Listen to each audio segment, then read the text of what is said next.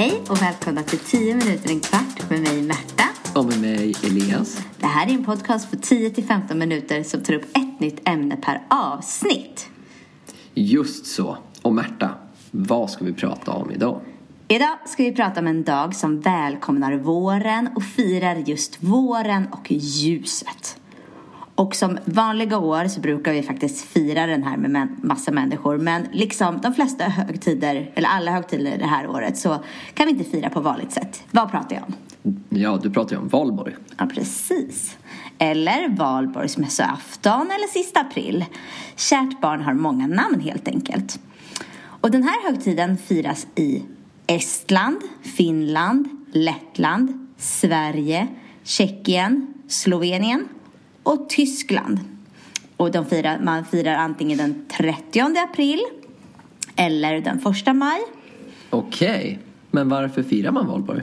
Jo, men från början var det här en förkristlig högtid, alltså en högtid som fanns innan kristendomen. Eh, och den eh, kom i Tyskland och sen var den uppkallad efter någon som hette, eller kallades för, eller kom att få heta Heliga Valborg.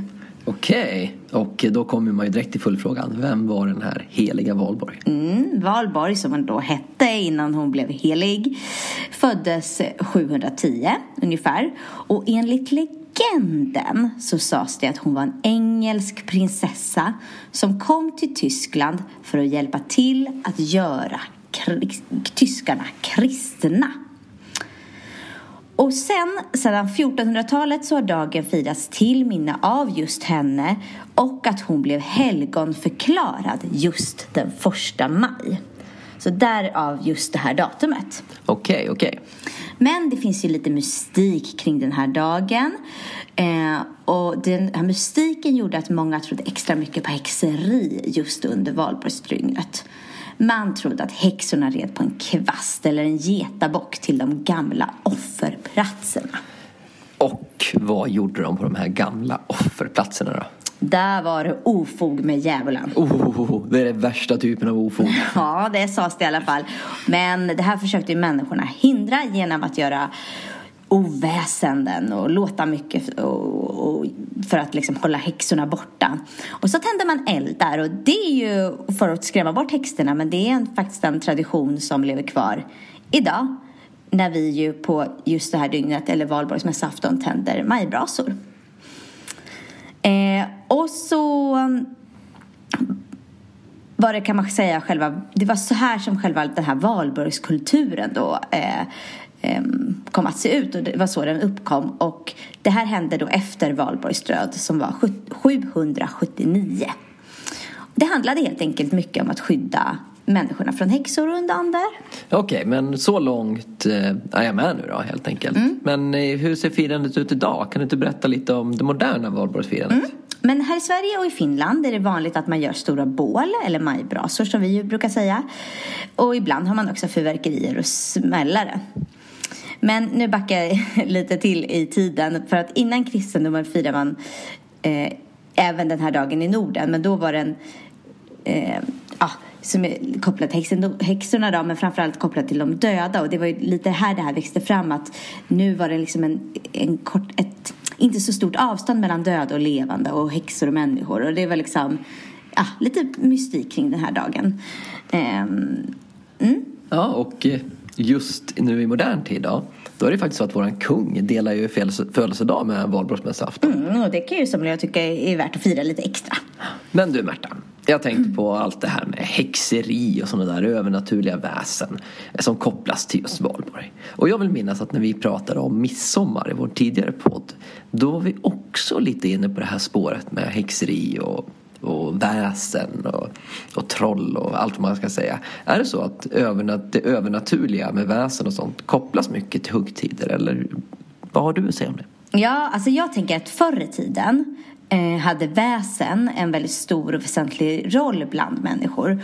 Och man skulle respektera dem Eh, och så skulle man skrämma bort dem som var farliga för det fanns goda väsen och farliga. Och, och och så kanske man gjorde vissa saker vissa tider på året för att liksom hedra eller skrämma de här. Och då kom de här ja, rutinerna som man gjorde att kopplas till en viss högtid.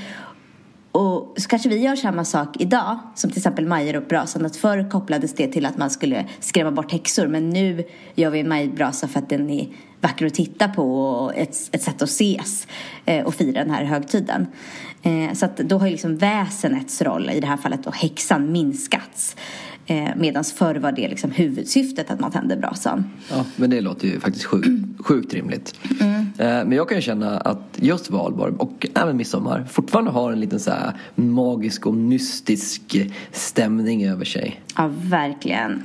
Är det någon gång på året som man inte skulle bli helt förvånad om man såg en häxa eller en elva eller ett troll så skulle det nog vara just i skymningen eller kring midnatt vid någon av dessa högtider. Ja, alltså verkligen.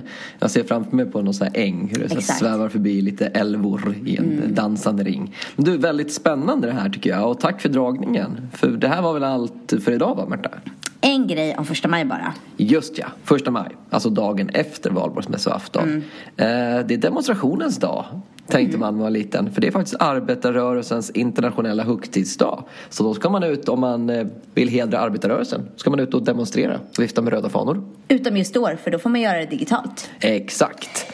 Men det var allt för mig. Ja, och vi som har gjort den här podden heter Elias och Märta. Och det här är en podd som är gjort i samarbete med vikarielärare. Till den här podden så finns det lärarhandledning och arbetsmaterial som går att använda innan, under och efter podden. Ni hittar det materialet på vår hemsida www.vikarielärare.se och där loggar ni in på våran, vårt inloggade läge och laddar ner det här materialet. Podden hittar ni i våra sociala kanaler. Vi finns på Facebook som vikarielärare, gå in och gilla oss. Vi finns på Instagram som vikarielärare. Gå in och följ oss där. Både på Instagram och Facebook har vi en grupp som kallas för Lärarnas kunskapsbank. Eh, som jag tycker att ni ska bli medlemmar i på Facebook och ni ska börja följa på Instagram. Lärarnas kunskapsbank. Det var allt för oss. Tack så mycket. Hej då!